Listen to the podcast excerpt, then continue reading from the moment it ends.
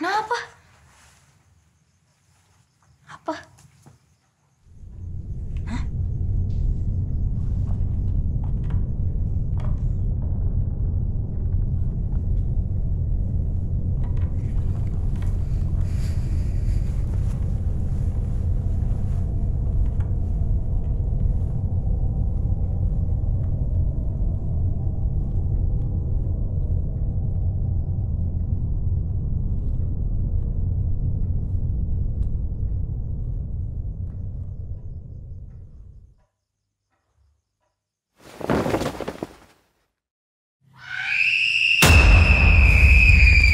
Ngomongin pengabdi setan gak sah kalau gua nggak ngomongin pengabdi setan tahun 80-an. Atau di dunia internasional dikenal juga dengan judul Satan Slave. Disutradari sama SGP Sisworo Gautama Putra. Pecinta horor lokal pasti udah gak asing sih sama nama itu. Kalau lu nonton film-film Susana di kredit title di awal pasti ada tuh namanya Sisworo Gautama Putra kenapa menurut gue secara pribadi itu film horor di sinema Indonesia yang paling beres dan terseram itu nggak cuma karena SGP Sisworo Gautama Putra itu bisa ngebangun horor yang menurut gue bener ya tapi juga dia bisa manfaatin idenya atmosfernya setting buat disatuin dan akhirnya akutin penontonnya. Salah satu adegan yang paling memorable dari Pengabdi Setan tahun 80-an pasti yang udah nonton inget dong pas anaknya baru belajar sholat terus digangguin arwah ibunya. Wah itu dulu nonton pertama kali gak bisa tidur. Terus yang bikin pengabdi setan tahun 80-an juga apa ya? Eh film paling favorit gue horor favorit gue yaitu tadi karena tokoh yang namanya Darmina. Darmina ini nggak cuma secara look eh, ngehe dan BS dan kalau lo lihat langsung wah pokoknya ngeri tapi juga dia punya dialog-dialog ya itu bagusnya di, si Darminah ini dikasih dialog-dialog yang ya menurut orang lain mungkin uh, cheesy atau Nora tapi buat gue itu nonjok banget dialog-dialognya kayak habiskan mereka atau ada satu satu dialog satu quote favorit gue yang dia ngomong Kami akan selalu datang di setiap diri manusia. selagi agama cuma jadi kedoknya itu nonjok banget. Versi yang baru cerita gimana sih? Versi yang baru dari segi plot atau ceritanya kurang lebih sama sama tahun 80-an satu keluarga ini bakal kehilangan sosok ibu. Tony sisirin ya bu. Kalau di versi yang baru ini si ibu kan nantinya diceritain sakit. Ibunya taruh basro ini. Dia sakit udah kurang lebih tiga tahun akhirnya meninggal.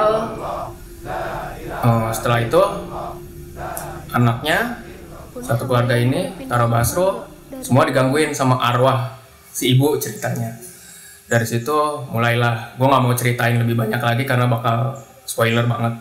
Joko mengambil elemen dari film lama dibawa ke filmnya diterjemahin versi dia sendiri lalu jadi mimpi buruk baru dengan kengerian yang maksimal lah lo nonton bukan sekedar takut karena setannya muncul gitu. Tapi Joko dari awal udah ngebangun eh, atmosfer.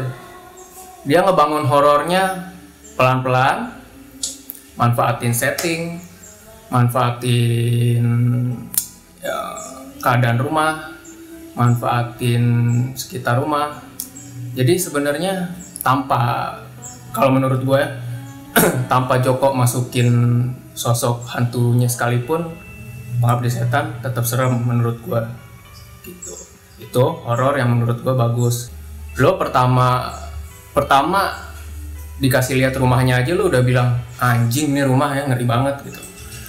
Ada di sebelah gue waktu pertama kali ada adegan Tara Basro naik ke tangga pun di sebelah gue udah gila serem banget nih rumah gitu. Itu dari situ even Joko belum ngeliatin apa-apa hantunya pun belum ada.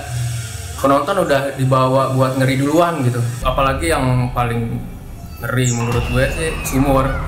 Karena secara pribadi gue jadi inget apa kampung gitu. Dulu gue di kampung kamar mandi itu ada sumur. Dan gue kalau kalau dulu sih kalau gue pagi-pagi atau malam mau ke kamar mandi itu jadi males. Bukan karena dingin atau apa karena di dalam kamar mandinya itu ada ada ada sumur gitu. Itu jadi kengerian sendiri sih pas gue even cuma ngelihat sumur itu udah apa di kepala gue tuh udah macem-macem gitu. Wah nanti pasti setannya ngol di sini di sini. Ya di situ. Nggak setan bagusnya di situ. Gimana Joko ngebiarin imajinasi penonton buat berpikir yang macem-macem duluan gitu. Jadi sebelum setannya muncul kita udah ngeri duluan. Ngelihat itu sumur ngelihat pelan-pelan Tara Basro naik ke atas gitu momen apa momen antisipasi gitu kita di bener-bener dipermainin secara psikologis secara mental untuk takut dulu dan menurut gue sih kemunculan setan jam sekarang itu cuma bonus Tadi kan udah nih yang horor. Eh, sekarang menurut cerita gimana? Bagus atau enggak? Hmm, bagus atau enggak ya? Menurut gue pribadi masih ada kurang sih secara eh, ya Joko udah maksudnya udah bagus gitu udah bikin bikin versinya dia sendiri dengan nambahin nambahin karakter baru gitu nambahin ya pokoknya nanti lu bakal bisa ngeliat sendiri apalagi kalau yang udah ngeliat ngabdi setan yang lama terus ngeliat versi yang baru pasti ngenalin lah apa yang Joko tambahin cuma ya emang ngeblend ngeblend ceritanya dari adegan per adegan ngejahitnya itu ada yang kurang. Apalagi Joko banyak nambahin misteri yang nantinya cuma di ya udah gitu ditinggal aja gitu. Kita jadi banyak bertanya-tanya tapi bagusnya juga mungkin nanti kalau ada sequelnya Joko bisa jawab di di sequelnya gitu. Overall sih karena gue datang ke bioskop gue pengen ditakut-takutin gue kasarnya sih gue nggak peduli sama ceritanya mau ceritanya eh, bagus kek mau ceritanya nggak bagus kek yang penting Joko udah berhasil satu nakutin gue itu buat gue udah cukup Tadi kan horor udah nih. Terus cerita juga udah. oke Eh, sekarang actingnya gimana kalau acting? acting acting menurut gua Tara Basro Tara Basro dan kawan-kawannya udah bermain sesuai porsinya masing-masing dan maksimal sih. Ya nggak asal cuma pas ada setannya nggak asal cuma teriak nggak asal cuma nggak asal lari-lari nggak asal jerit. Tapi ya apa namanya eh benar-benar bisa apa mendeliver mendeliver si Joko mau penonton takut kayak gimana nih? Karakter masing-masing karakternya bisa nganterin ketakutan mereka masing-masing ke penonton yang lagi duduk. Setara Basro takut gue juga ikut takut. Secara keseluruhan, kira-kira bagus nggak sih? Pengabdi setan untuk ditonton? bagus dan rekomen kalau emang yang apalagi buat pecinta horor khususnya horor Indonesia. Dan lo yang tadinya apa nggak yakin buat nonton pengabdi setan tonton dan rasain sendiri pengalaman ditakut-takutin sama Joko Anwar.